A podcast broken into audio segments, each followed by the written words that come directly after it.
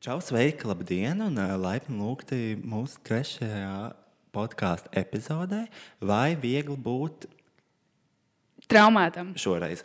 Jo mums būs ā, viesos um, cilvēks, kurš mums varbūt palīdzēs, vai arī vienkārši varēs ar viņu izrunāties. Kristiāna visticamāk, visvairāk. um, bet tā, tie, kuri pievienojušies mūsu video formātam, ā, jūs redzat to, uz galda ir daudz, daudz ēdiena, un šis, šī ir atbilde tai meitenei, kas komentēja to, ka tas nav mugubanks, kad mums trijiem mēs sadalām vienu picu. Tātad šeit tev. Jokes on you, bitch. Mums Oh. ir. Uh, Pirms mēs, eh, pirms mēs sākām šo podkāstu, es arī ieliku Instagramā, uh, vai kādam ir jautājumi mums. Un, uh, pirms mēs sākam, uh, kur ir rimīgi garšīgākie salāti? Oh, man liekas, cilvēks ir diezgan vērīgi. Jau zinās to, ka mani favorīti salāti ir rīmi pupiņu salāti. Mm -hmm. Nu, vēl man patīk miksēt. Ja es izvēlos to komplektu, vienmēr uh, es lieku pupiņu salātus un arī rīmi. Grieķu salāts, ja nemaldos, vēl rīmi lapu salāts ar grieķu mērci. Lai tā kā labs kombo starp tā kā izklaidi un darbu, darbu veselīgu un neveselīgu pupiņu Es nekad īpaši neņemu kaut kādus tos eh, salātus, baigos tādus, nu, eh, kur ir kaut kāds miksls ar kaut ko, zinu, tur ir kaut kāda kārtainie salāti, kas ir garšīgi, tā tālāk, bet es parasti vienkārši eju pēc krabi salātiem, esmu vienkārši puika. Bet mēs atvedamies no Rimī, jo arī rekur jautājums no cilvēka, dabūjot sponsorus. Jā, mēs dabūjām mūsu pirmo sadarbības partnerus. Tā ir ēdināšanas aplikācija Zoo. Tas ir Z, E, E, W. Uh, jūs varat ielādēt šo aplikāciju un reģistrējoties, ievadīt, uh, piemēram, manu uh, to kodu, kas ir uh, referāla kods. Viņš ir ROIS 1999. Deviņi. Ja jūs uh, nesapratāt, jūs varat iet manā Instagramā. Tur jūs redzēsiet uh, vizuālāku pamācību, instrukciju, kā to izdarīt. Un jūs savā zoo maciņā dabūsiet 3 eiro par to, ka jūs vienkārši reģistrējaties ar manu kodu, ko jūs varat iztērēt šajā ēdināšanas aplikācijā. Un tieši to mēs esam arī izdarījuši. Mēs esam pasūtījuši ēdienu no dažādām vietām. Oh, Viss šis ēdiens ir uh, ap nu, kaut kāds 12 eiro robežās. Mm -hmm, un uh, šo podkāstu mēs sākam ar mugbangu. Ak, Dievs, es nevaru vienkārši sagaidīt roju. Tātad, uh, kāda ir tava līdz šim pieredze ar zoo aplikāciju? Vai tu esi pasūtījis kaut ko? Um, es pasūtīju vienreiz sushi plati. Mm -hmm. Um, viņi bija ok. No kurienes sūtīji? Uh, es nepateikšu. No Ma Maksijas uz šeit? Maksīs sushi mums, jā. Jā, man bija no Kinky. Un kā tev patīk? Man bija tīra, ka es gultā pāēdu ļoti garšīgi. Mm. Vienīgais, kas tur bija tā zupa, tā kā sauc Miso? Jā, miso zupa. Tā nebija miso zupa. Mm. Nu, es sasniedzu miso zupas, tā man liekas, nebija īpaši miso zupa. Uh, es esmu sūtījis no pizza meistara. Mm -hmm. ļoti, tas ir jauns atklājums man. Uh, pizza meistars ir ārkārtīgi garšīgs. Oh, Nē, viņas ir ļoti garšīgas pīcis. ļoti garšīgas pizzas. Un, uh, ko es vēl, ah, es vēl sūtīju banāna līniju, kas ir indiešu ēdiens. Arī ļoti patika šī iestāde. Uh, vienīgais, kas man, vienīgā iestāde, kas man sagādāja tādu vilšanos, bija B-burgers. Mm. Kur es pasūtīju, tas ir kā, nu, kad pasūti burgeri par 6, 7 eiro, nu, tu tomēr gaidi kā to burgeri, ko tu paņem, parasti saņem no kaut kāda street burgera, kad tu ej palutināt sevi ar dārgiem burgeriem. Um, Un runājot par strīdburgeri, es noteikti vairāk varu ieteikt. Man mīļākais burgeris no strīdburgera ir plūcinātājs lielopa vai cukurs. okay, par šo reklāmu mums nemaksā. Tāpēc Oh. Tā ir vienkārši no sirds reklāma. no sirds reklāma. Mm. Uh, ko es uh, gribēju pateikt par B-burgeru? Es viņu saņēmu, tajā burgerī bija mats. Bet es viņu vienalga apēdu, tāpēc ka es esmu kas? Cūka. Mm -hmm. Šo es ierakstu no sava iPhone. Es gribēju ātri pateikt to, ka mukbanga daļa ir izgriezta. Jo šis podkāsts bija pārāk garš, viņš bija kopā divas stundas. Nezināju, kā sagriezt. Tāpēc intervija ir daudz garāka un pirmā daļa ir daudz īsāka. Bet, ja jums interesē mukbanga daļa, viņa pieejama atsevišķi manā YouTube kanālā, kā atsevišķi video. Paldies, un mēs turpinām. Ah, pirms mēs uzjautājām pēdējo Instagram jautājumu, mūsu šī mēneša Instagrams ir. Tu zini, kurš? Jo man ir rakstīts, Edīte, badās, workout. Ag, Dievs! kas ir fitnes treneris. Mēs jau viņai ilgi sakām, šo jau sen vajadzēja pieminēt, bet uh, tas jau mums vairs nav aktuāli. Bet jums, ja jūs nezināt, kas viņi ir, jums ir jāzina, bēdās apakšvītu workout. Man tā liekas, iepriekš bija Miss Edīte. Viņa ir fitnes treneris, viņa pasniedz fitnes nodarbības. Un viņa liek dažādas stāstus, un tie stāsti ir tiešām nu, entertainments. Viņa, Uz bet, viņa, bet viņa pēdējā laikā, man liekas, nav Mazāk? tik daudz. Jā, es nezinu, viņa dažreiz arī tādas laistrīmas. Mm, Bet es mīlu Edīti. Tas tā Es kā- vienreiz viņu redzēju uz ielas. Tā kā Es, uh, Jā. un es, tā, es pirmo reizi mūžā safangirojos Latvijā, redzot mm -hmm. cilvēku uz ielas. Viņa dzīvo netālu no manis, starp citu. Nopietni. Un uh, viņa liek Instagramā, kur viņi skrien, un tur var redzēt, kur viņi dzīvo. Tā kā jau Edijs viņš to klausies, Lūdzu. lūdzu nedara tā. Labi, tev vēl nav tik daudz sekotāju, bet nu, Bet, nu, var patrāpīties. jā. Negadījums. Man ļoti patīk, ka viņi taisīja vasarā trīs dienu. Nometne? Nē, viņi taisīja, viņi trīs dienas nēda, neko viņi tikai dzēra par žāmiju. Ah, tas uh, kaut kāds. Es nezinu, kā to veselīgi cilvēku sauc. Jā, Man ir galvā savu vārdu feastings, bet es zinu, kas ir tieši fastings. Fastings. Fastings? Fasting, kaut kāds Fastings. fastings. Feasting. Fe- Feastings. Feastings un f- feastings ir tas, ko mēs darām, Roja. Jā, fastings. Fastings ir tas, ko. Edīte dara. Loģiski, viņas dzīve ir labāka nekā mūsu. Es gribētu būt Edīte. Tā kā Es nesaprotu, kā cilvēks var tā sportot. Mm -hmm. Man vienreiz bija tā, ka es gāju skriet, man ir mīnus seši redze, un es vienreiz izņēmu lēcas, lai man nebūtu jāskatās. Man tas sabijis uzskrēja dagunā. Es izņēmu lēcas un ārā lielu lietas, un es, sāku, es iesildījos, un es sāku skriet. Pirmajos trīs metros es sāku raudāt no tā, cik man ir grūti. Un vienkārši man lietas bija acīs, un sejā es neko neredzēju, un man bija asaras. Un es vienkārši nācu mājās. Es sapratu, ka sports nav priekš manis. Es cienu cilvēkus, kas sporto. Es skatos tevi, Edīti, bet es nevaru. Tātad uh, Instagram jautājums pēdējais. Kādi plāni jaunajam gadam? Man mm. konkrēti jaunajā gadā ir plāns būt nekur citur kā klubā, Top Club. Es tur vadīju, man liekas, no 8 vakarā tādu pirms jaunā gada pasākumu, par ko es uzzināju no pasākuma plakāta. Es man liekas, pāri piekritu, un pats vairs neatceros. Mm -hmm. Anyways, es tur būšu, un tad vēl es vēl braukšu uz pienu. Es būšu pienā naktī. Nē, bet tu tur kaut ko šādu darīsi, vai tu vienkārši Jā, jā, es tur uzstāšos un izlozēšu kaut ko. To, es, Mhm. to mēs redzēsim. Un tad man vedīs atpakaļ uz Top klubu, kur man ir nakts programma. Tad, tad trīs, No cikiem? trīs uh, pasākumi vienā naktī, jaunajā gadā, kad taks ir visdārgākais. Mm. Super. Nu, Mana jaunā gada plāna ir tā, ka pēdējos trīs gadus es vienmēr esmu palicis viena pat mājās, istabā savā. Es pat nezinu, austiņas ārā, kad ir salūts. Es vienkārši skatos kaut kādu seriālu. Pagājušajā gadā skatījos Bojack Horseman. Un, jā, man uzaicināja jau, jau uz divām vietām, kas ir ļoti stressful, jo tas nozīmē, to, ka man ir jāsāk izvēlēties, kuras tiešām svinēšu jau no gadu. Un uh, man nav ideju, nu, man nav tā kā noslēdz, tā kā, uz kuru pusi vairāk gribētu, kurā vietā es gribētu svinēt. Un man ir jāuzšķir mans outfits līdz galam. Tas baltais. Mm -hmm.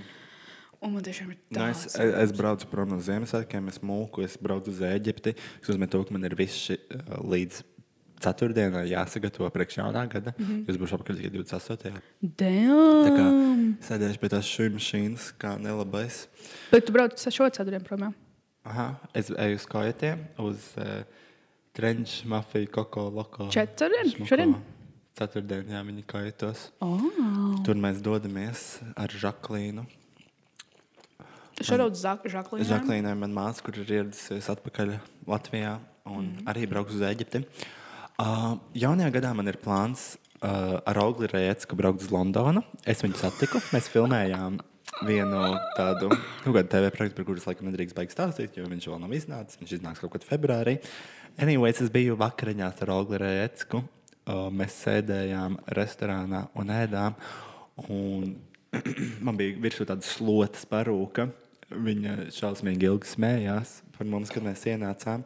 Un tad, viņa, tad mēs, jā, mēs samainījāmies numuriem. Man telefonā ir, Ir Olgas Rajeckas numurs. kur Vai mums viņu vajag dabūt podkāstu, viņai ir tik daudz stāstu.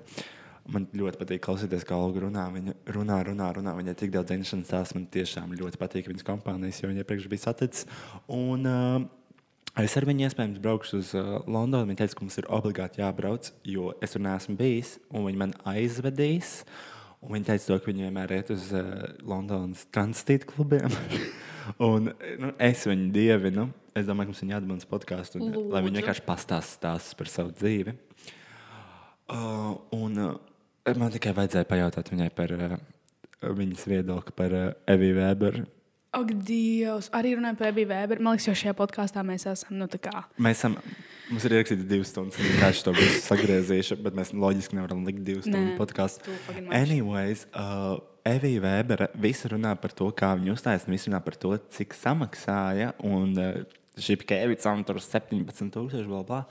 Bet neviens nerunā par to, ka viņa sev ir pajautājusi honorārā 666 eiro. Kas ir sātana skaitlis? vai šī ir kaut kāda zīme? Un, un, un, un par, Par, ko- par, kā, par kādu koncertu? Par kādu koncertu viņai samaksāja 666 eiro? Mm -hmm. Par Latvijas valsts simtās gada dienas kaut kādus pēc Tas koncertu. ir pirmais koncerts sim, simtgadē. Tas bija pirmais koncerts, bija laikam 9. novembrī. Mm -hmm. uh, tas nav vienīgais, ko es gribēju teikt. Un skatuve bija trīs stūra formā. Man tā liekas, tur bija tikai tādas trīs stūra. Un kur tas, un kur tas viss notiek? Kur tas viss notiek? Pie gaismas pils. Kādā formā ir gaismas pils? Tas ir trīs stūris, un augšdaļa ir tāda kā atsevišķa, tāpat kā tā acis iluminatītam trīs stūrim. Viņi vakariņo ar sātanu, un visi runā par to, ka viņi dabūjuši 700 tūkstoši. Nē, atveriet acis. Viņi Atveriet acis. Viņi, Atver- ir, viņi stāv un vienkārši veic sātaniskus rituālus Valsts svētku. valsts svētkos, un neviens par to nerunā. Visi runā par to, ka viņiem daudz samaksāja. Es atvainojos. Šeit top jauns illuminati, ir At- kaut kāds jauns kults, jauna prieka vēsts, un mēs to vienkārši laižam garām.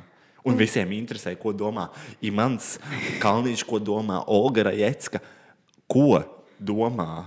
Bet ko domā sabiedrība? Kāpēc sabiedrība ir aiztaisīta acis ciet? Kas, par, ku- kurš to ir izdarījis? Kāpēc vi... Viņi... Kur viņiem bija mēģinājumi? Elē! Kurš viņiem samaksāja? Lucifers! Nē, bet runājot par Eviju Vēberu, kā es tiešām nesaprotu, es ļoti paliku bēdīgi un dusmīgi, kad man parādīja nu, viņas uzstāšanos. Jo, protams, bet, nu, kā jau parasti latvieši, man nav nekāda muzikālā izglītība. Tāpēc, nu, tāpat kā 95% cilvēkiem, kas runā par Eviju Vēberu, tāpēc mēs esam tā kā gandrīz 100% atbilstoši, lai runātu arī par Eviju Vēberu šajā situācijā, jo mēs esam latvieši un latvieši tā vienmēr dara. Un uh, es domāju, ka, manuprāt, viņa ļoti forša meitene. Man ļoti patīk, kā viņa dzied un uzstājās. Man ļoti patīk arī tā svētku diena. Jā, Viņa bija tikai nepareiza, pareiza. Jā. Man ļoti patīk, ka cilvēkiem ir tādas unikālas balss. spējas. Un vienīgi tas, ka Avislī arī bija augsts, un to arī varēja just. Nu, kā, bet still, Evija Weber ir fucking lit. Un tā kā viņa būs uh, slavena un bagāta. Tad visiem latviešiem būs tas, oh, Mm. es zināju, Es zinu. Latvijas bjorka. Nē, vai arī viņa būs, vai arī viņa kļūs ārzemēs slavena. Visiem būs. Paldies Dievam, tā dīvaina ir ārpus Latvijas. Mums patīk tāds balsts kā Lauris Rēnīgs, Aindrēja.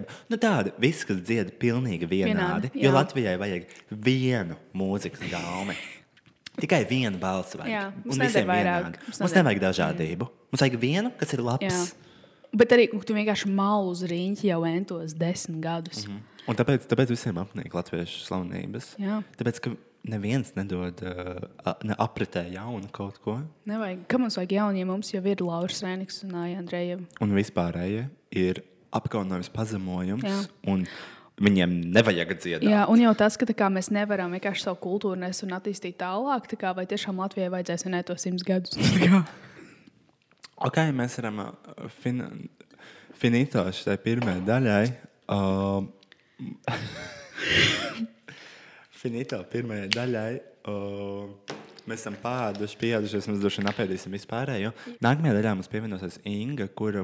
Uh, Ar kur mēs vienkārši pārunāsim. Jā, tāpēc, mums, mums vajag, mums vajag mums vajag- vienkārši vajag pārunāties. Mums vajag Jā. divas lietas, mums vajag Ingu un Jēzu. Jaunajā gadā mēs tiksimies ar cerams jaunu iekārtojumu šai mini studijai. Jo mums aizmugurē ir ļoti karstas lampas. Kuras nedaudz un, uh, var just, ka viņas tur Deg. svilst. Un uh, mums būs, tā kā mēs plānojam, ko iekārtējam vēl labi, bet, nu, protams, mums ir finansiālais aspekts un arī laika trūkums un uh, kas vēl? Depresija. Depresija. Un otrā daļā Inga pievienosies mums un centīsies mums uh, Palīdzēt. Laipni lūgt mūsu podkāstu otrajā daļā. Šī mēneša podkāstu nosaukums ir Vai, Vai viegli būt traumētam? traumētam? Un tā var teikt. Mēs tā varam, laikam. Nu, Kā mēs gribam. Šodien ar mums ir kopā, uh, varbūt tu vari pastāstīt. Un es saku, tu nevis tāpēc, ka esmu nepieklājīgs jaunietis, bet tāpēc, ka man teica, lai ir tu, nevis jūs, kā Aija Andreja saka, mēs pārējām uz tu. Jā, es tev to lūdzu. Paldies. Man tas ir daudz patīkamāk. Uh, par mani kā par viesi. Kaut ko. Ko, ar, cilvēku. ar ko nodarbojamies, ar ko darām, kāds esam cilvēks. Labi. Daudz mani uh, sasaista ar pieciem bērniem. Ka, uh, jā, man pieci. Uh, taču uh, man pašai liekas, ka tā, kad man bija viens bērns, tas bija daudz grūtāk nekā tagad, kad ir pieci. Un, uh, būtībā tas mindsets ir uh, diezgan mainījies par to, kādai mammai es esmu, kādai vispār ir būtu jābūt un ko tie bērni ar mani ir izdarījuši. Un, um, tāpēc es sāku ar to, ka es esmu piecu bērnu māma, taču tas nav viss, ko es daru. Es esmu psihoterapeite. Uh, strādāju arī šobrīd skolā ar, ar bērniem, ar skolotājiem un viņu vecākiem. Konsultēju mammas, gan uh, arī kā man ir savs blogs un sava lapa. Es nezinu, te kaut ko var Jūs teikt. droši. Droši reklamējot, cik vien varat. Šī ir Jā, jūsu. uh, pavisam vienkārši es mamma. Un, uh, gan Facebookā man tur lapiņa.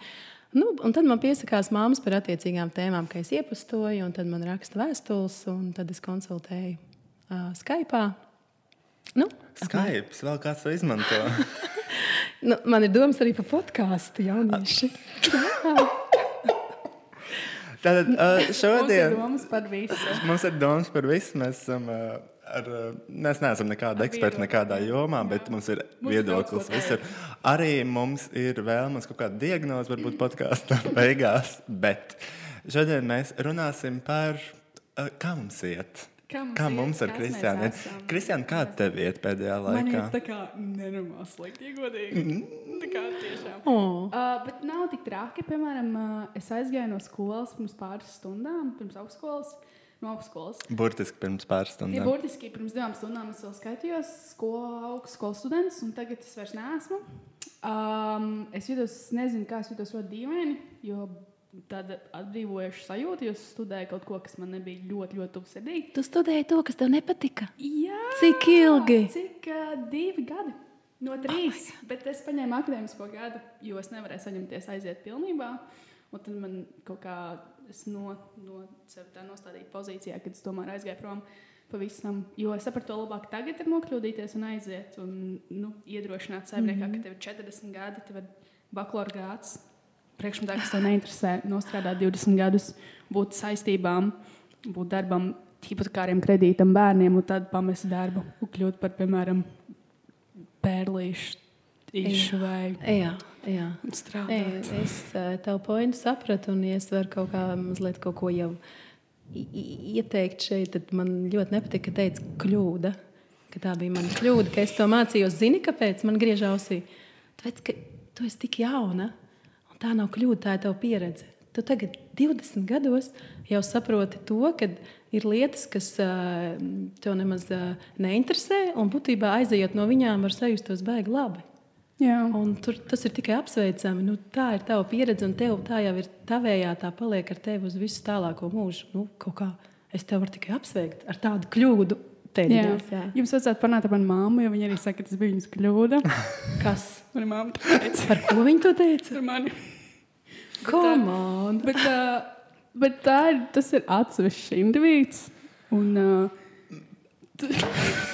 Mums vajag, mums vajag šeit tā kā ieviest kaut kādu, tā kā, kur mēs nonākam. Kur ir robeža? Kur, kur ir, Kur ir stop? robeža? Es pasakīšu, kā man jā. iet. jā. Pirmkārt, mēs esam šausmīgi nocējušies, Kristiāna. jā, tas ir, arī. Ir, tagad ir kas pirmdiena, bija. Ak, es, es nocējos ceturtdienas, nocējos piekdienu, un es arī sestdienu biju. man bija arī mana pirmā kaut kāda panikas lēkme vai kaut kas tāds. Es nezinu, ko tas nozīmē, bet kaut, tas bija šeit. bija Kad? Sestdien. Man bija, man bija jāšauj outfiti trīs. Un, un es sapratu, ka ir, ir, man tūlīt ir jāpabeidz, un es nevaru pabeigt. Es esmu- neesmu gulējis, esmu pārdzēries iepriekšējās divas dienas, un man ir ļoti slikti. Man sākās, ka 15 minūtes es staigāju uz apli, un bija ska- ak, man tas ir es. Es skrēju, es uztaisīju tēju, nezinu, kāpēc. Es viņš tā ātri dzēru un kaut ko gāju pie šūnu mašīnas, kaut ko šūnu, un pilnīgā panikā iekritu. Es nezinu, kas tas bija. Bet Man- tas, tas Tas, nebija. bet tas nesaucās panikas laikams, vai ne? Es, ne, es tiešām nezinu, kādi ir tie termini un tā Es tālāk. spēju, ir, bet man liekas, tas paģirā vēl. Nē, kā- bija tiešām. ka- Nē, bez nosodījuma.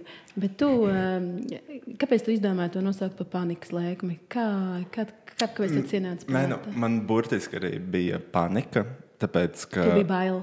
Uh, nu, ne, nu, man bija burtiski arī panika, tāpēc man tiešām tajā brīdī bija panika par to, mm -hmm. ka man ir jāapspēj sašūt jāfēt tā tālāk, bet mm -hmm. man pēkšņi sākās kaut kas, ko es nebiju piedzīvojis. Mm -hmm. Man likās, to, ka kā, ak, Dievs, kaut kas laikam nav kārtībā, un man sākās kaut kas. Mandrāža kratījās es, es iekšā. nevaru, sa- nevarēju saprast, jā, tā kā nu, sākās kaut kas tiešām nepiedzīvots vēl līdz šim. Un, uh, Izklausās baisi.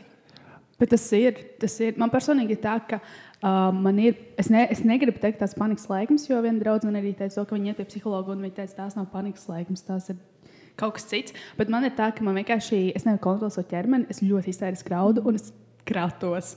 Un es saprotu, ka man ir nevis panikas laikums, bet tiešām. Ah. Tā kā man trīc ķermenis, un tad es vienkārši iedzeru uh, antidepresantus, nu, tā kā pretpanikas tabletes. Un tad uh, es nejūtu vairs neko īsti. Nu, jo vienkārši man noņem mm to lēkmi nost. Un tas ir ļoti biedējoši. Tas ir viens no iemesliem, kāpēc es pirmo reizi vispār aizgāju pie psihiatra pirms gada. Mm. Un kāpēc es sāku iet terapijā? Jo tas ir biedējoši, ka tu nevari kontrolēt savu ķermeni. Pat tas ir kaut kāds pāris minūtes, bet tu jūti, kā, kā tu elpo. Tev ir bijuši momenti, kad man liekas, es vienkārši nomiršu, ka tā lēkme ir tik ilga. Mm -hmm. Tiešām kaut kāds desmit minūtes, un tās ir briesmīgākās desmit minūtes, kas kā, ir tajā, var teikt, dienām vai nedēļā. Mm -hmm. Šausmīgi.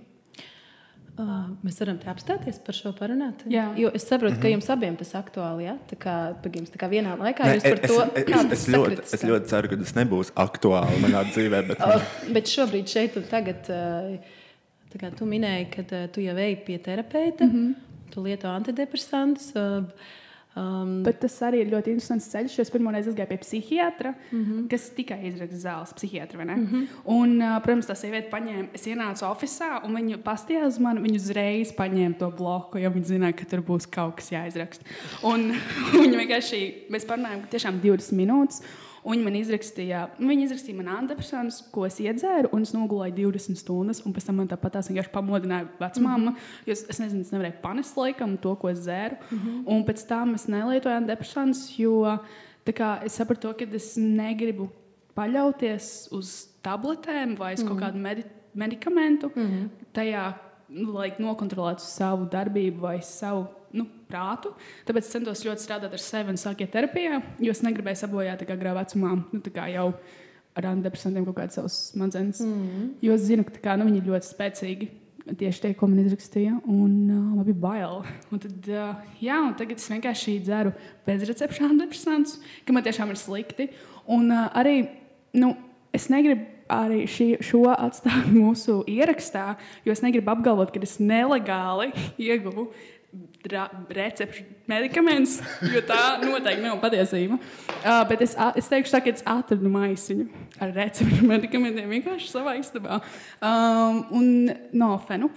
Es nezinu, vai jūs, tā, jau jūs zinat tādus medikamentus.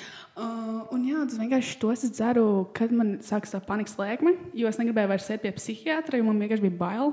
Jo es zinu, ka viņi vienkārši testē, kas strādā, kas nestrādā, un es vienkārši negribēju iet cauri tam procesam, ka man vienkārši raksta un un kaut kas tā tāds vienkārši. Izklausās ļoti daudz informācijas. Tu tagad runā par to, kas tev jau ir noticis. Mēs otro reizi, mēs tik, tik īsi brīdi runājam, otro reizi, vai tu pati dod uh, sev atskaiti, ka tu otro reizi uh, kaut ko uzsāc un pēc tam no tā mūc projām. tā ir tāda sakritība, varbūt, nu, skaties, bet tas ir, ā, tas ir varbūt, tev varbūt tāds patents, ja, ja tu uzsāk mācīties to, kas tev nepatika, ā, nomocījies divus gadus, ja, ja tā var teikt, pēc tam aizlaidies, tagad jūties forši, pamēģināji antidepresantus, arī sajūti, ka nav forši, arī mūcis projām. Un arī tā nav. Tu tagad arī lietoji tikai tos uh, vieglos kaut Uh, kādus. Kaut kāds viegls, piemēram, šodien es izdzēru divas nofens un vienu deprimīnu, jo kā es zināju, ka es negribēšu sajust īsti daudz emociju, kad es vienkārši sāku traudēt uzreiz, kā es nāku pa durvīm. Tāpēc es jūtos ļoti tā laimīga pašlaik, un rojam vienkārši ar asaras acīs tagad. Tā kā, ja tev vajag nofem, vienkārši hit me up, fam. Aklau, es tev uzreiz tā, a, kas slikts emocijām? Man nepatīk emocijas. Šis ir tas, ar ko es runāju mm. ar savu terapeitu. Mm. Tādā ziņā, ka, ja tu izrādi emocijas, nu, man, kas man ļoti nepatīk, un es to neapgalvoju citiem, ir tas, ja es izrādu emocijas, piemēram, kad es raudu, tad cilvēkam liekas, ka es vāja, un man ļoti nepatīk tas, kad cilvēki redz manas īstās emocijas. Un tāpēc es vienkārši slēpjos un patīk kā likt tās maskas un arī komēdija, un kaut vai joki, vai visu, ko mēs darām. jo mūsu, tas viss mūsu backgrounds, mēs esam diezgan traumēti cilvēki, un tāpēc mēs esam tā kā, nu, bieži vien smieklīgi, jo mēs, nu, mēs iesaistām ļoti Jā. visu tajā Un tas, tas, darbībā. un tas ir tas, ko man arī terapeiti pirmo reizi pēc pirmās sesijas pajautāja, tā kā, no kā tu negribētu atteikties nākotnes terapiju. Un man bija tas, es negribu īstenībā zaudēt savu depresiju, jo, tad, nu, man depresija, man tāds, nu, tie joki tādi raitāki vienkārši nāk un cilvēks smējās. Un, kad cilvēks smējās vai cilvēkiem es, nu, patīku caur to, ko saku, es uzreiz pat jūtos labāk, bet tā cilvēcis, kā cilvēks. Mm -hmm. Un tas bija tas, ko es tiešām negribēju pazaudēt, ārstējoties. Um, Tāpēc vienkārši būt traumētam. jā, nē, nu es saprotu, ka kaut kādām performancēm un vispār savam kaut kādam imidžam tas droši vien ir stilīgi, bet kas notiek ar tavu ķermeni? Es Ar tavu miegu, ar tavu, tad, kad tu paliec viena pati, vai tev nav bailes no savām domām, tad, kad tu esi viena pati. Nu, īstenībā pat nē. Tā kā es izgājis cauri tam visam, nu, tā ka man, eh, es varu gulēt trīs stundas, un tad es varu vienkārši brīvdienās, ja mēs netusējamies un ejam gulēt kaut kādos desmitos no rīta, uh, tad es varu nogulēt arī mierīgi 15 stundas. Nu, man ļoti patīk gulēt, jo, ja kādreiz man tiešām, ir problēma, es, gulu, es gāju speciāli gulēt, lai ātrāk laiks paietu. Un tā kā es būtu jau nākamajā dienā iekšā, nu, es nezinu, varbūt tā kaut a, kāda kur tu steidzies? Nomirt, laikam. Pagaidi, pagaidi. Bet tas nav, tas ir tāds joks. Es Es- zinu, jā, tas, tas, nav, tu- tas, nav, jā. tas nav. Es negribu nomirt. Tas ir tas, par ko es domāju arī. Jo es arī kaut kā gāju pie ielas un arī uh, sāku raudāt par to, ka, ka es iedomājos, kā būtu, ja es tiešām nomirtu. Pirmkārt, labi, jā, man varbūt draugi raudāt, tur ģimenes locekļi un tā. Jo, uh, Bet es iedomājos to, kā man patīk skatīties uz mājām, ejot pa ielu. Man patīk tā kā, klausīties mūziku, man patīk vienkārši darīt kaut kādas dīvainas lietas ar roju kopā. Man patīk runāt ar cilvēkiem, patīk darīt tik daudz lietas. Un, ja es nebūtu šeit, kurš to darītu manā vietā? Un tas man liekas, bija tik. Un tas bija tik dīvaina emocija, ko es izjūtu pret sevi. Tā tad neteiksim mīlestība, bet es vienkārši mm, cienu sevi. Mm. Jā. Tu, tu tagad vienkārši pateici tādu. Tas, ko daudz citu nevar atklāt, ka būtībā katram mums šeit ir vieta. Mm -hmm. Un tu to vienkārši kaut kādu iemeslu dēļ ļoti stipri sajūti Jā. tajā brīdī. Un, un tev ir ko dot. Un, un tas, ko jūs arī, uh, tas ir forši, nu, jūs tusējaties, nu, jums ir jautri. Nu, vienīgais, tas, ko es patiešām vēlētos jebkuram no jums jauniešiem, lai jūs pieskatāties kaut kā sev pieskatīt. Nu, iedomājieties, ir tāda teorija, ka arī ka jums tur arī tur tāds sarkans sunīts. Ja? Uh, uz birkli iedomājies, ka ir cilvēki, ja, kas, piemēram, kuriem ir mājdzīvnieki, un viņi uh, to sunīti, nē, to sunītim es nedošu ēst, viņam būs liekais svars. To sunītim nevar, to sunītim nevar. Ap paši sev vispār nežēlo. Ja? Piemēram, sunītim jāiet ārā svaigā gaisā, ap paši sev vispār nevad ārā svaigā gaisā. Jā. Un, teiksim, tev nav mājdzīvnieka. Tad, nu, protams, tas varbūt izklausās bišķi sīki, ja? bet tu vari padomāt, ka es parūpēšos par sevi, un es pati sevi izvedīšu ārā. Man vajag svaigu gaisu. Nu, kam jau? Nu, vajag. Nu. Jā. Nevajag. Vajag. Jā, Bet man personīgi Vajadzētu. Jā, man vajag, bet es kaut kā, piemēram, man ir viena draudzene, ko dzīvoju kopā, un ir dzīvoklī, man ir derības, ka es savā istabā neatvēršu vaļā aizskars līdz 23. martam. Un līdz šim tas ir izdevies. Es vienkārši nevaru vaļā aizskars un kaut kā padaru savu Ko? Es nezinu, vienkārši, un, protams, ienākot man istabā, tas ļoti depresīvi un bēdīgi, jo, pirmkārt, man ļoti tukšs istaba, man patīk ļoti maz lietas. Mm -hmm. Otrkārt, ir vienmēr aizskars iet, un mm -hmm. man istaba ir tā kā depresīvākā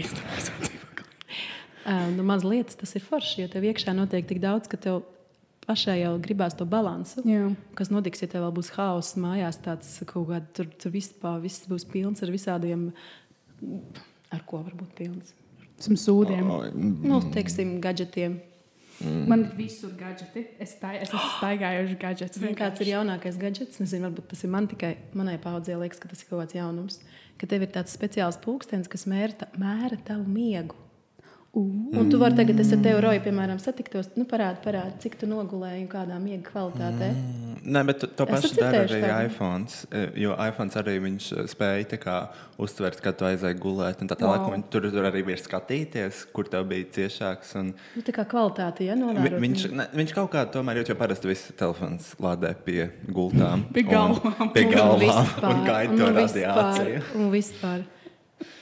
Uh, labi, Jā. Kristiāna, tu esi ļoti daudz izstāstījis par sevi. Jā, Protams, par ir tāda problēma, ka viņa ļoti daudz runā. Un, uh, piemēram, nu, ja mēs skatāmies, mēs tagad runājam 17 minūtes, 15 minūtes runāja Kristiāna. Un divas minūtes runāja mūsu viesis. Un droši vienkārši. Un Rojas vienkārši novēroja un regulēja skaņu, jo Kristiāna vispār nerunā mikrofonu. Bet, bet zini, kā ir? Es, ja Kristiāna būtu mans klients, ja tu būtu mans klients, es tev ļautu runāt tik ilgi, kamēr tu vienā brīdī vienkārši saprastu, viss, viss pateicis. Un tad tu dabūtu to stadiju, ka tev ir klusums, nu, pašai savs iekšējais klusums. Un tad tu drusciņi pietuvotos tai savai iekšķiņai, kā es saku. Mm.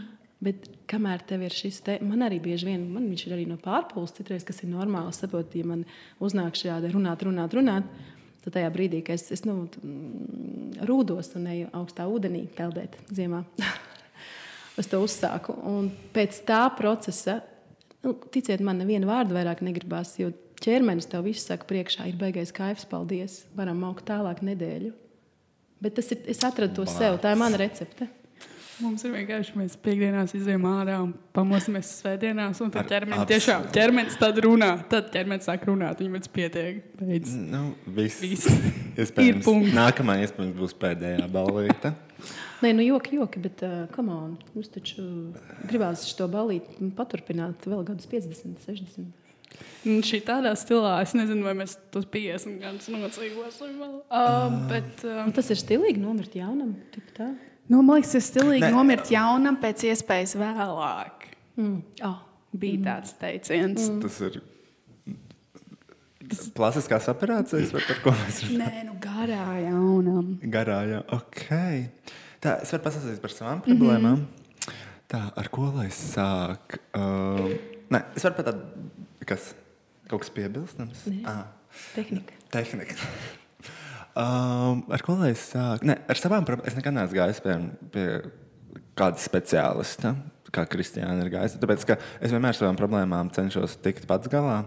Un es kaut kā sev um, kaut ko mēģinu iestāstīt, vēl nu, kaut kā cenšos pats tikt galā un an analizēt sevi, uh, savas rīcības. Un es ļoti bieži arī analizēju citus cilvēkus dažādās jomās. Un, uh, uh, tāpēc es kaut kā, es nezinu, man nekad nav bijis vēlme iet kaut ko. Man ir laikam vienkārši. Um, Es nezinu, kāpēc es neju ne pie viena. Es kaut kā pats cenšos tikt galā. Tā bija arī skolas laikā. Man bija skolā, skolas laikā bija problēma ar apcelšanu, bla, bla, bla. Nu, viss tas prikals, kas man liekas, visiem ir bijis. Nu, protams, man tas bija ļoti izteikti. Kāpēc tā? Kāpēc tā? Es nezinu īstenībā. Man no otrās klases jau apsaukā līdz šim brīdim. Nedēļ pretī pats. Tu nedēļ pretī vai devu pretī? Nē, nē, es kaut kā esmu ļoti kluss, cilvēks, esmu introverts īstenībā. Ko galīgi nepateiks. īstenībā. Galīgi nepateiks, bet es esmu, es esmu ļoti kluss. Un es arī varbūt tāpēc es nerunāju par kaut kādām problēmām. Bet, nu, uh, ar tām es jā. Ar visu to es tiku pats galā. Es arī īpaši vecākiem sam vienam neteicu. Es īstenībā nevienu nerunāju. Ne tagad bērnībā. viņi klausās, un viņiem ir ā. Uh, Es gribētu, lai man bērni man visu stāsta. jā, bet uh, Nu, labi. Nu, Mm, līdz teenageru vecumam. Tad, daži vien ne viss. Bet, nu, ne visu, jā. Mm. Tā, un uh, ne, nu, viss, ko es, un es daudz ko neatceros no savas bērnības, kas ir vēl viens jautājums, aktuāls, par ko es varētu sākt runāt. Es varētu, Kas ir tavs pirmās atmiņas? Ot, Pirmais, kas nāk prātā, ko tu atceries? Cik tev bija gadi? 5, 3. 17. Es īstenībā nezinu. Ne, man tā ir švaka atmiņa, bet par bērnības vispār. Es tikai atceros, kas ir filmēts kasetēs, mm. un tur es skatos. Bet tā, ka vizuāli, kas ar acīm kaut ko redzu, es, mm. ne, jo man ir, es lasīju tādu teoriju, to, ka uh, iespējams, ka tev dzīvē ir. Ah, Es, at, es zinu, ko es atceros tagad. Bija, man liekas, kaut kāda pirmā klase vai kaut kas tāds. Nu, bija tāds prikals, mamma vienreiz aizveda uz skolu, un tad viņa parādīja, šitā tu aizbrauc uz skolu, un viss. Vienreiz aizveda, tālāk pats braucu. Bija labāki laiki kādreiz. Tad ne, nezaga bērnus. Mm. Uh, es braucu pats uz skolu, un uh, tā man viena atmiņa, kas man ir, es nezinu, nu, laikam, kāda pirmā, otrā klase. Es kavēju skolu, un es braucu ar mikriņu, un es izkāpu nepareizā pieturā. Es izkāpu ārā nu, pusceļā, principā. Un šausmīgi pārdzīvoju to, ka manā mamma samaksāja par to mikroņu biļeti. Un vienkārši kā idiots izkāpu ārā nepareizā pieturā. Un tā ir man tāda. Tu vairāk uztraucies par māmu, nevis ka tu pazudīsi un ka tev bailes, kur tu esi tagad. Uh, jā, tāpēc, ka viņi iztērē naudu mikroņam. Māmas, māmas maciņu tajā vecumā, otrā, pirmā, otrā klasē. Jā. ne, es domāju, tāpēc, ka, es, domāju, nu, tāpēc, ka es uztraucos par uh, kaut ko, kad mm. tiek iesaistīti citi cilvēki. Mm. Ja es pats kļūdos, un es neesmu mm. kaut kur, ja tur nav kāds cits, viss ir ok, bet es vienkārši jūtos kā idiots. Es kāpju nepareizajā pieturā, un es īstenībā šausmīgi daudz gadus to nevarēju sev piedot. Man liekas, ka 15 gadu vecumā man bija tā kā. Tā kā Burtiski tā, tās atmiņas man tā kā rēga nāca to, ka es esmu nokļūdījies un kā tas vispār iespējams. Es zinu, kā Beig bieži, ja es varu tagad pārtraukt. At, tikai paliec, kur es, es tev mm -hmm. pārtraukšu, un es turpināt. Vienkārši ļoti bieži ir tā, ka tad, kad cilvēki um, par to piedošanu, ja? tajā brīdī varbūt tu vari sadalīt, teiksim, tagad liels esot, vienalga par kuru situāciju atpakaļ, ka tu vari sadalīt atbildību. Tur bija atbildība Vismaz arī tur bija arī mammai 50%. Ja mēs vēl vairāk izdalām, varbūt, varbūt arī kaut kādam vēl tavam, kas tur vēl autobusā brauc, es nezinu, šoferim vai kam. Bet pēc principa tajā brīdī tu visu vainu uzņēmies uz sevi, kas nav fair. Okay. Tādā vecumā. Jā, vai braucam atpakaļ ar to autobusu uz tavu bērnību?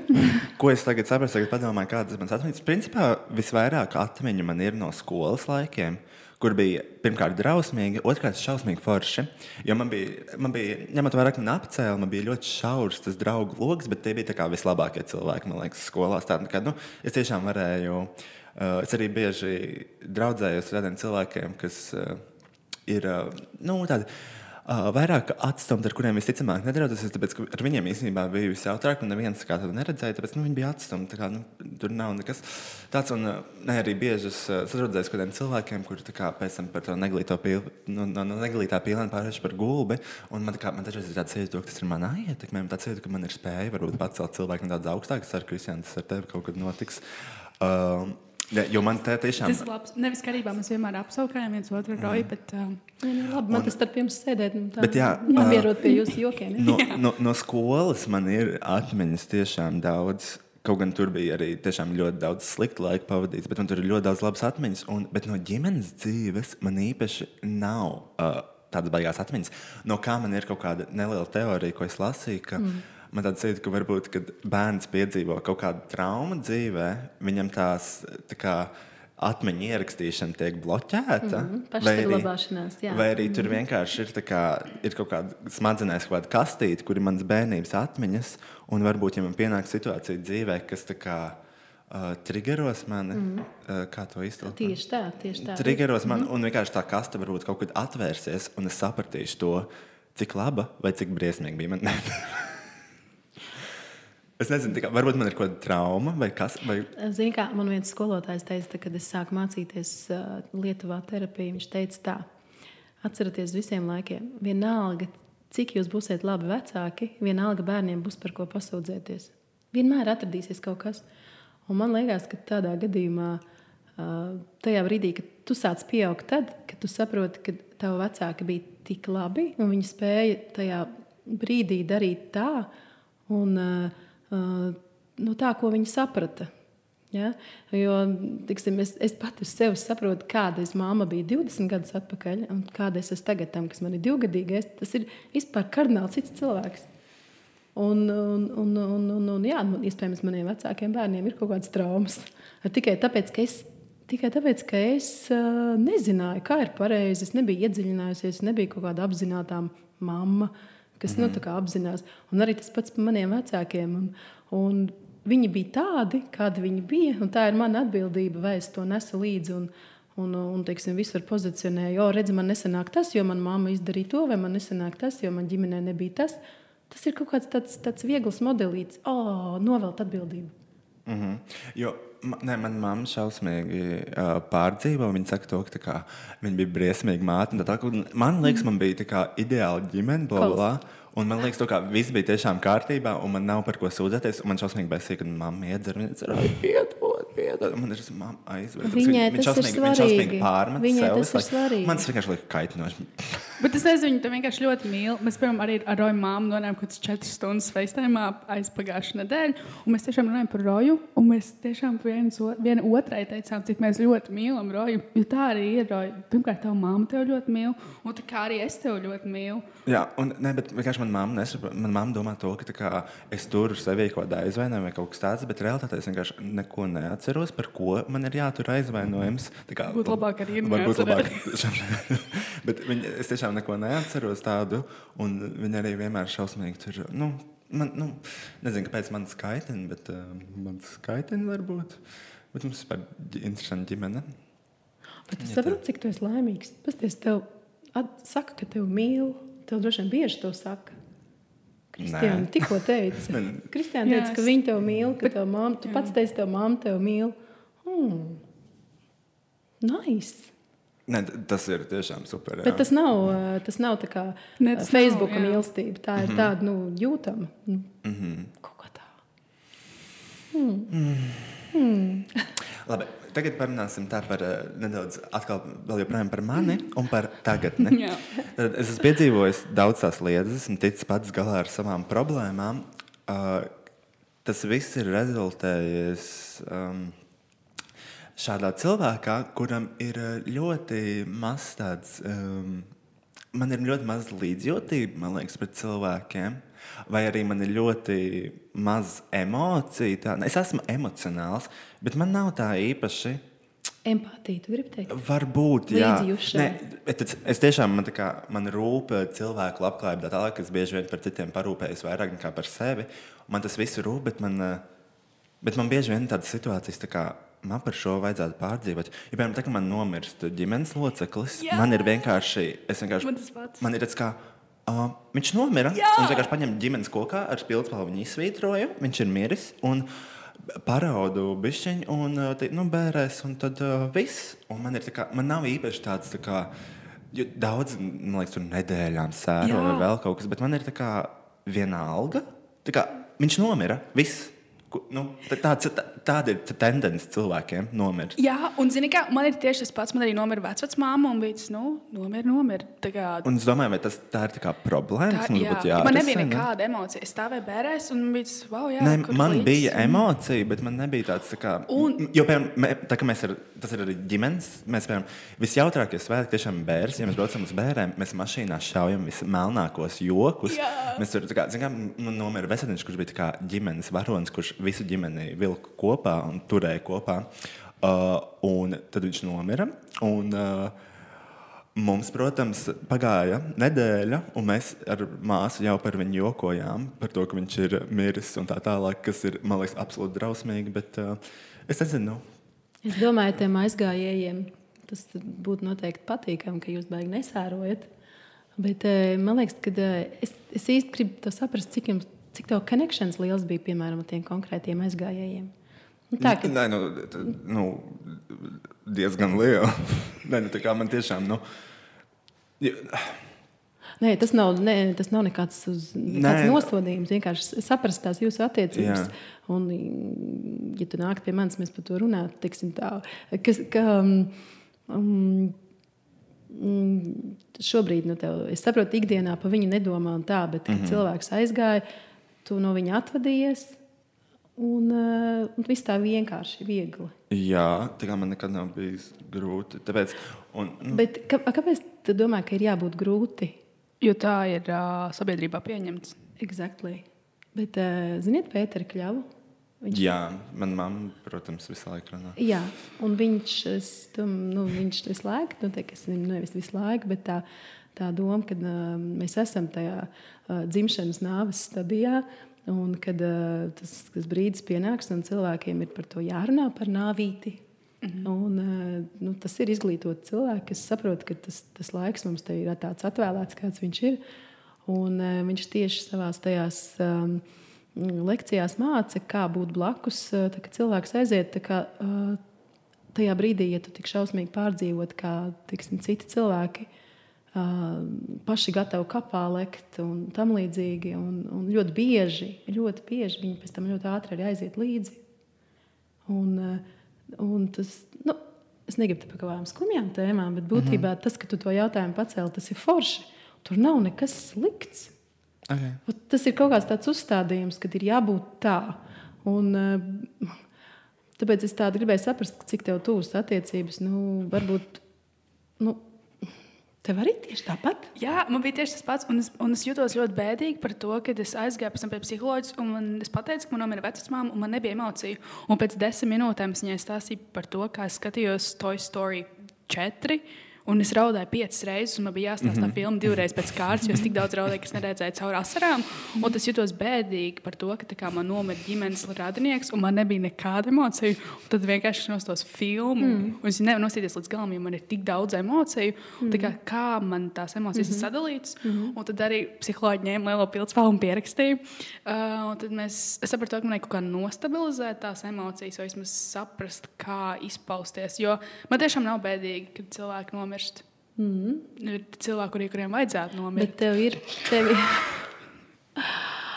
Jaunieši neuzlaiž tas gals. Bet uh, tagad, nu, teiksim, nu, pēdējā gada laikā, uh, par ko tev ir sāpējusi sirds? Par oh. citiem cilvēkiem, par sevi nevar tagad pat nu, par kaut, kaut, kaut kas, kas notiek sabiedrībā. Par Tavā tuvākā, tālākā. Nē, man ir ļoti abstrakti jēdzieni, par ko arī mēs ar psiholoģiju ļoti, man liekas, tiešām pirmos mēnešus ļoti centāmies tikt cauri tam, kad es runāju ļoti abstrakti un ļoti plaši un nekad nerunāju par mm. sevi. Un man ļoti liekas bēdīgi tas nu, vispār tādas mazas lietas, kā piemēram, nezinu, kad ir uh, divas augstskolas, un viņas pati māca divus dažādus priekšmetus, vienalga savā starpā. Kā, e, mēs esam labāki nekā jūs.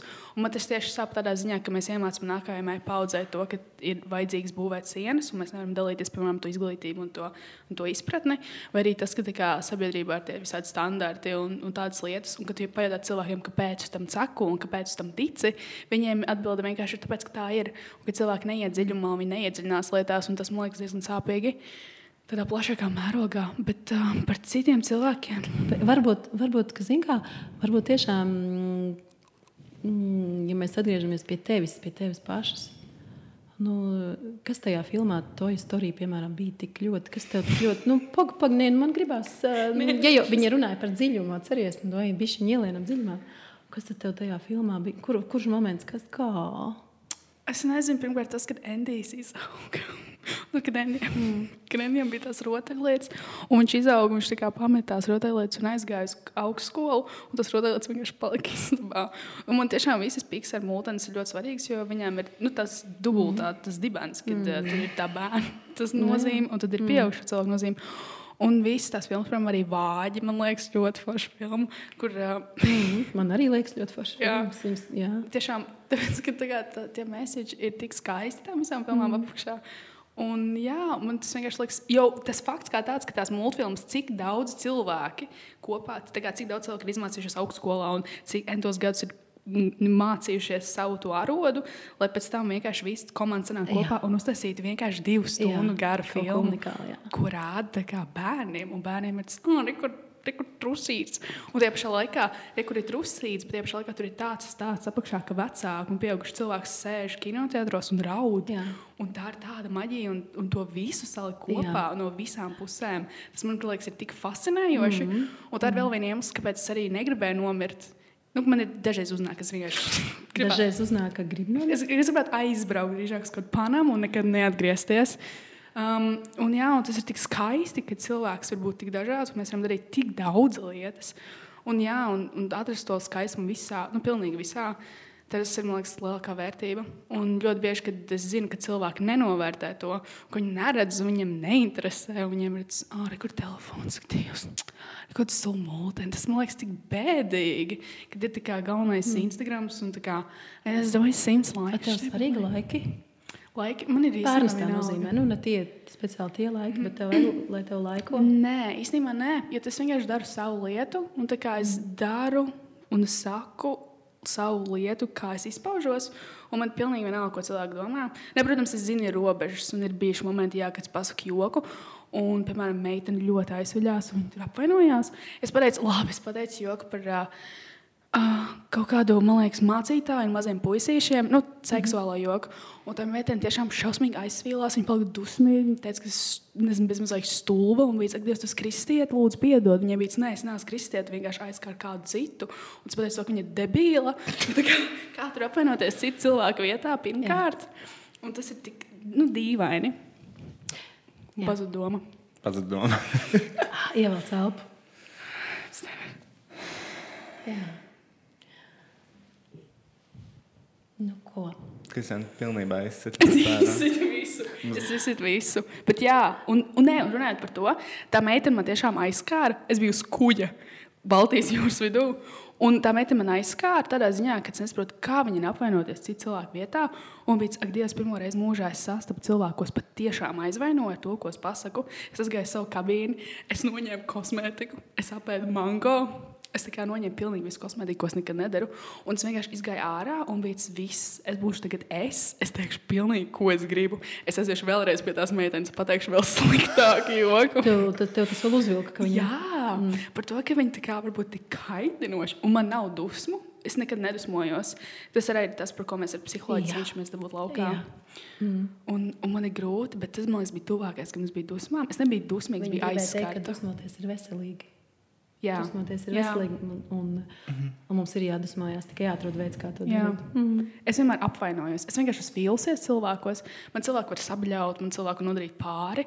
Es jutīšos vai nu bēdīgi, es uzņemšu visu uz sevi. Mm -hmm. Un es vienkārši jutīšos vīlusies. Un arī ļoti bieži, kad psiholoģi man jautā, kā Kristēn, kā jūties, man ir tas vīlusies. Un viņi ir tas nu labi. Un tad viņi paņem atkal savu lielo bloknotu, un tad mēs runājam. Nu, jā, man jau ir par to, kā man pašai, man jātiek vaļā no zina, man pašai ir bijis, ka es bērnībā ļoti daudz apvainojos. Un uh, tikai tagad lēnām es no tā visas tikusi vaļā. Vispār es saprotu, ka apvainoties tas vispār ir kaut kāds, nu, es sev saku, ka tas, nu, tas nav nekas uh, foršs.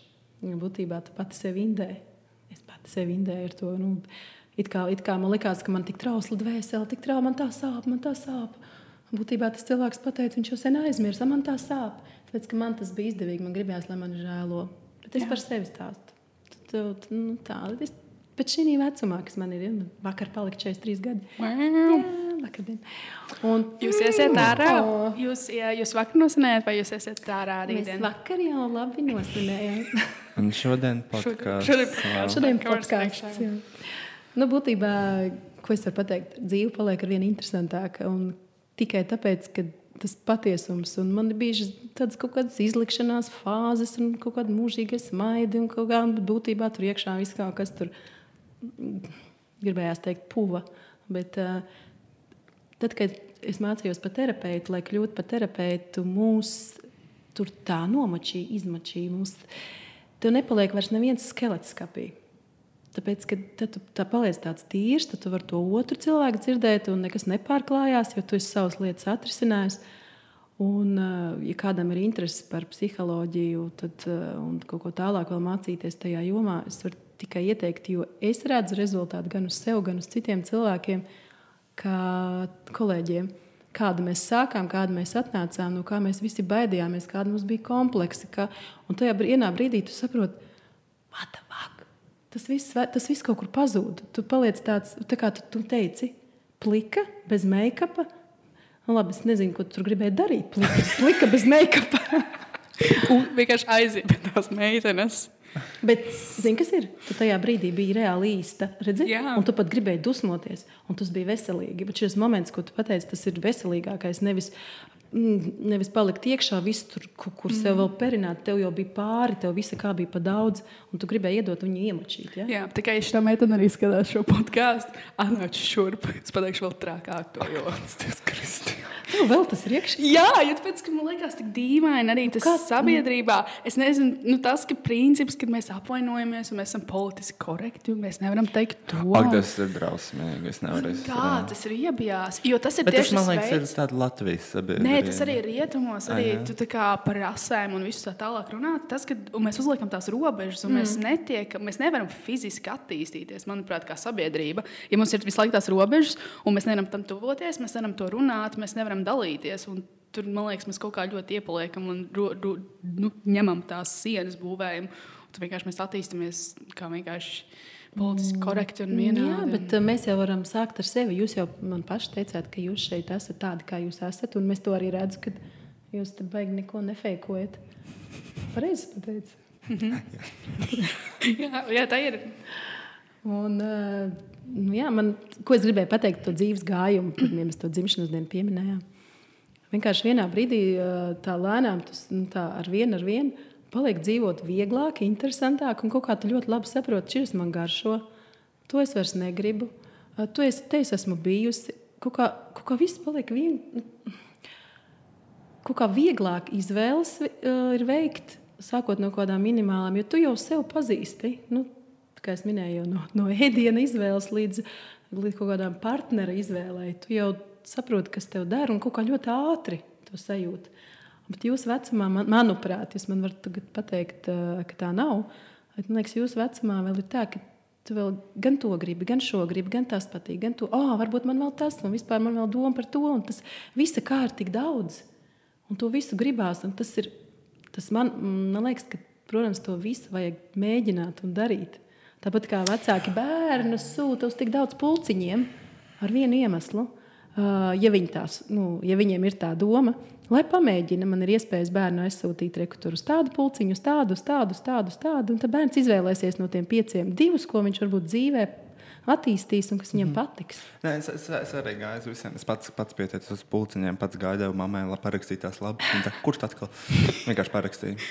Un, bet beigās neizvēlējos nevienu. Uh, Es vienkārši pagāju, man ātri apnika lietas. Un uh, viss tas ir arī. Nu, Nu, bet, ja tu nezinu, tas ir- nepamēģinātu, tu varbūt domātu, o, oh, vajadzēja man paziet kaut ko ģitāru Mhm. patriņš. Nē, es esmu pamēģinājis ļoti daudz ko.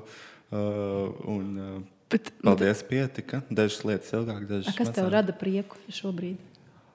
Um, kas man rada Jā, prieku? tāda, nu, tāda prieka, ko tu dari, kad neviens neskatās, bet reāli tev kaut kas reāli baigi patīk.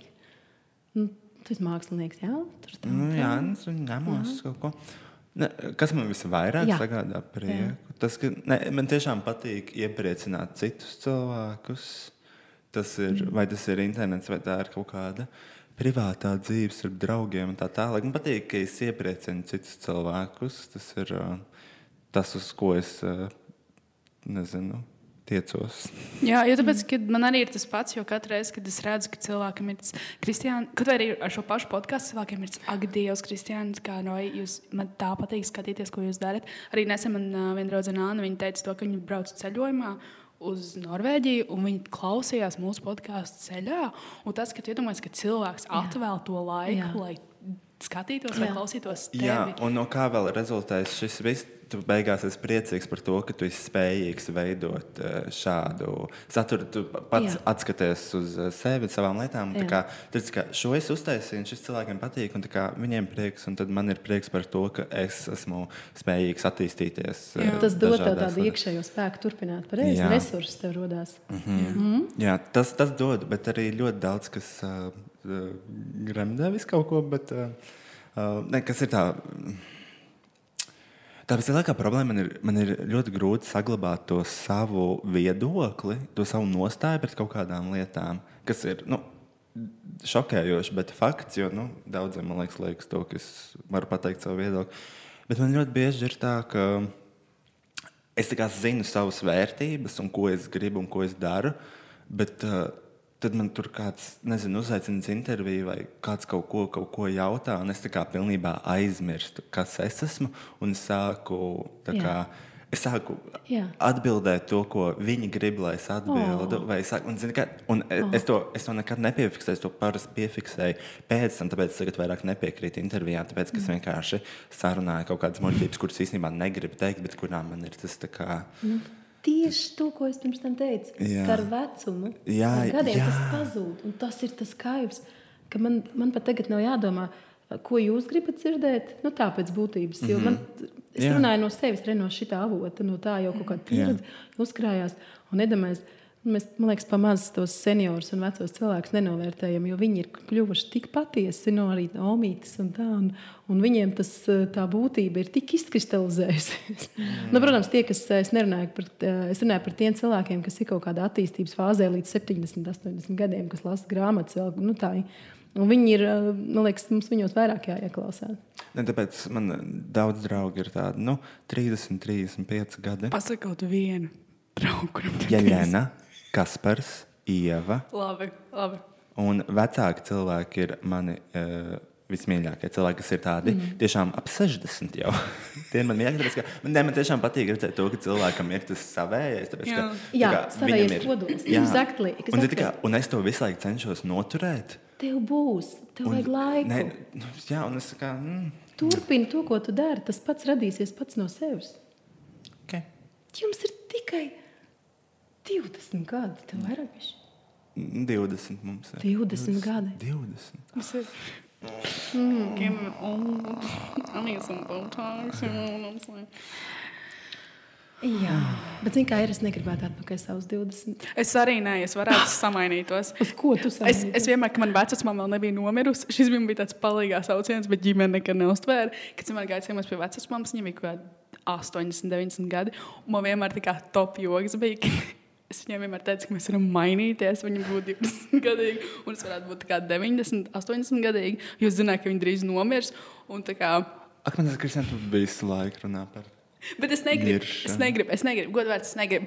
Bet jā, tas, uh, tas bija tā kā. Es, es negribu būt 20 gadīgs. Es tiešām gribētu būt ka man ir 45. Es tagad jūtos, zini, tā kā. Nē, bet tiešām tas tik forši ir. Tas ir forši, pieredze tāpēc, ka nav vairs mandrāža. Jā. Nav vairs mandrāža tāda gan iekšā. Es esmu sev, nu, man, man ir tā sajūta, ka ir vēl kur augt un attīstīties. Bet, protams, ir, nu, ir, man ir tās tēmas, ko es gribu risināt. un kādas- Tāpat man ir problēmiņas. Un, bet eh, es jūtos vislabāk šajā vecumā, neskatoties ne uz ko. Ne uz krunkām. Mm. Tikmēr, tikmēr manā omīte stāv pie spoguļa, viņš tā velk seju uz augšu un domā par jauno zvanu visām Nē, nu, klīnikām. skaties, uzreiz paliek labāk. Ne, nav Nē, nu jā, bet, tā kā, bet uzreiz cilvēks. Tas ir uzreiz īsts cilvēks, kad ir, ir, ir izpausmes, nevis tiešām plastika. Mēs tieši ar Kasparu kaut kad runājām uh, nu, par botoksu. Un, nu, pēc tās sarunas es katru dienu skatos spoguli, un man liekas, biedējoši. Man ir 20 gadi, un man ir kur jau tā tā krunka pa vidu. Mm -hmm. Tas ir vienīgais, ko es redzu, skatoties spogulī. Es neredzu vairs sevi, es redzu tikai to krunku, un tas ir tik biedējoši. Ja tu nāktu, ja tu būtu mani klienti, es tev, mm, kā tev vajadzētu pie spoguļa strādāt. Nopietni. Mm, Bet nevis skatīties uz krunkām, bet uz, mm, Un Kristiāna savām acīm un runāt kaut ko. Kā Kristiāna ir grūti skatīties spoguļos, jo, ja viņi pastāsta, viņš saplīst. Tāpēc šeit Oh. nav spoguļi. Jā, tad, tāpēc mums nav spoguļu šajā studijā.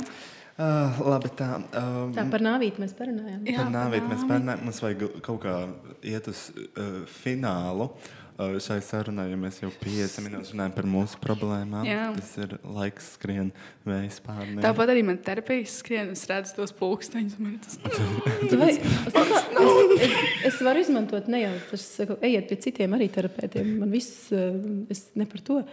Bet būtībā, ja vienīgā vieta, kur tu vari satikt sevi, ir savas domas, sakopoties, ja tev ir, ja tev ir labs draugs vai tev ir kaut kāda tukša istaba un tu, tu to praktizē vai tu meditē. Bet, ja tev nav, tad ej pie terapeita. Tas maksā. Zini, kas ir, ir vēl arī jauniešiem? Es zinu, ka var arī desmit reizes bez maksas dabūt terapijas un visādas tur. Mm. Vajag meklēt, ir visādas iespējas. Un, bet būtībā sakārtot sevi, vajag bišķi klusumu, to iekšējo un, un, un tā. Ja es vēl varu, pēd, es gribu šīs notis, man vajag gribēšu to pateikt, var tagad. Man liekas, ka tas ritms, tīpaši jūsu paudze, kas ir nu, esmu viena paudze un jūs esat nākošā paudze, ka jūs vienkārši jums ir tās iespējas tik milzīgas un jūs visu varat tik ātri, ka vienkārši jūsu organismi, jūs tik daudz dzīvojat galvā, ka jūsu organismu ķermeņi, ka viņi netiek līdzi.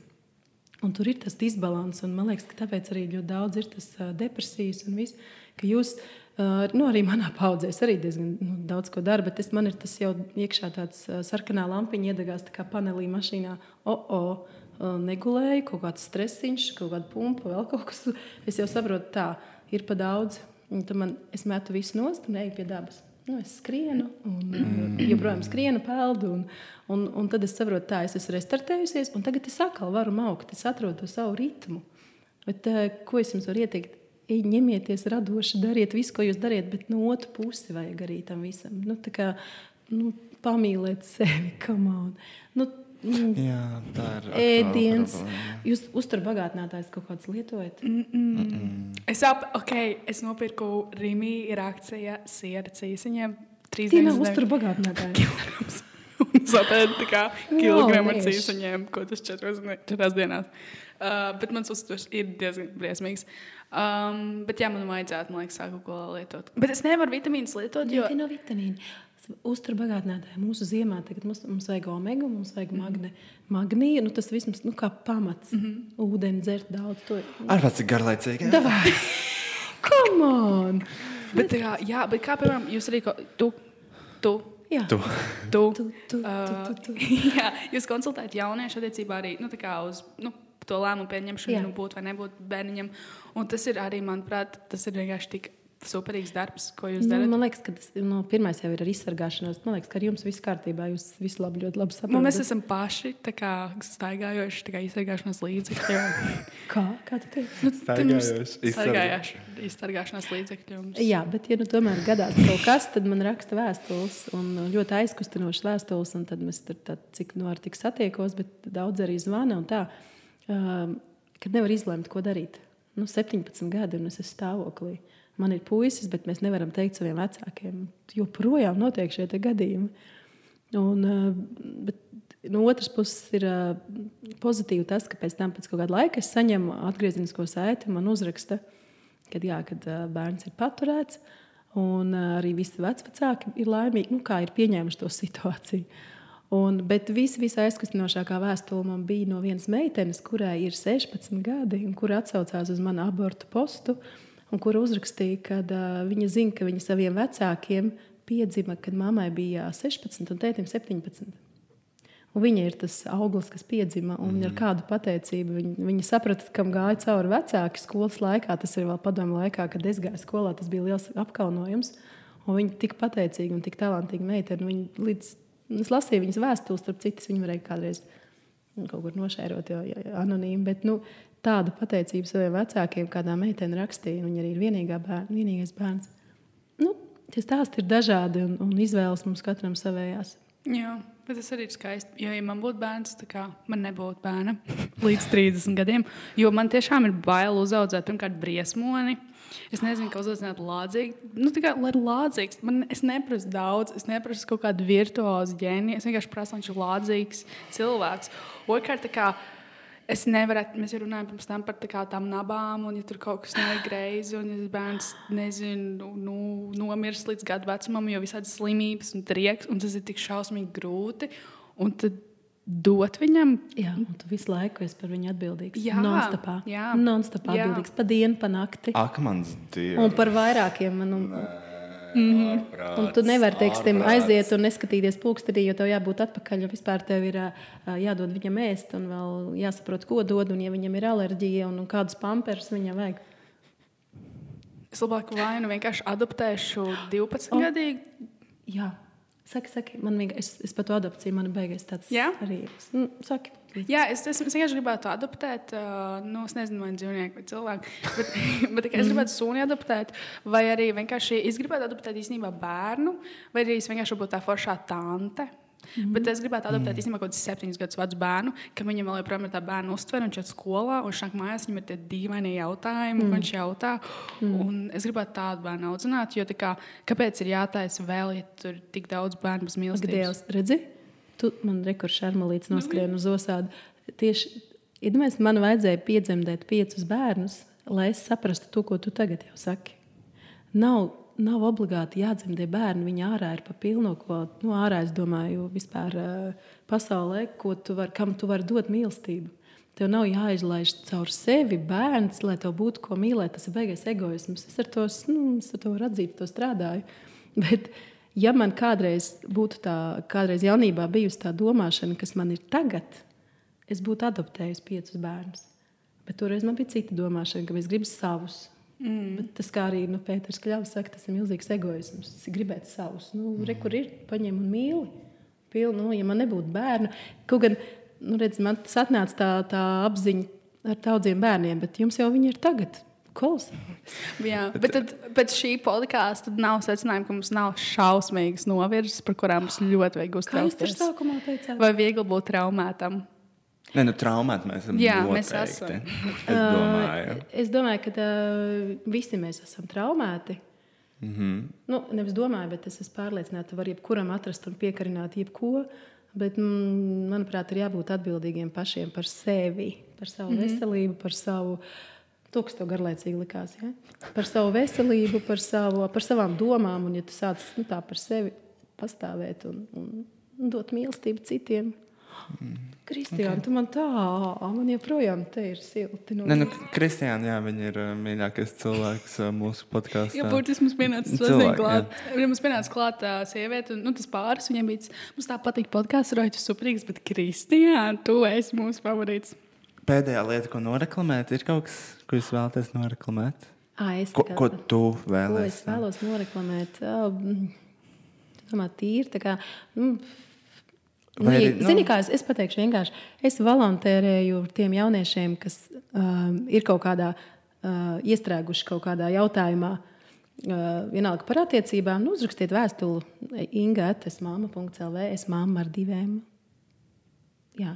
Un es, teiksim, ja jums ir situācija, kad, uh, lai aiziet pie terapeita, ir vajadzīga beigā nauda, nav ar ko parunāt, es to izdarīšu bez maksas. Mm -hmm. Mm -hmm. nu, lai, varbūt tā. Kā teikt, tagad par daudz nesaprastu. Diemžēl es aizēju no šīs problēmas. Jā, viss. Es izēju no Pensijas interneta. vecums mums ir agrāks. Kur rakstīt? Kur var rakstīt? Inga at esmamma.clv. Ok. Jā, Rakstīs man, Roja. vai tev vajadzētu uzrakstīt? Pēc tam. Uh, tā, uh, paldies. Paldies, paldies. ka jūs uzaicinājāt. un Man vienkārši atvērās vēlreiz acis uz mūsu Zini, kas, jauniešiem. zin, kas tev uzrakstīs? Noteikti mana mamma. Viņai būs, oh, man ir, man ir ko rakstīt. Eh, Roja māma, manu dēlu arī sauc Rodžers. Rakstiet.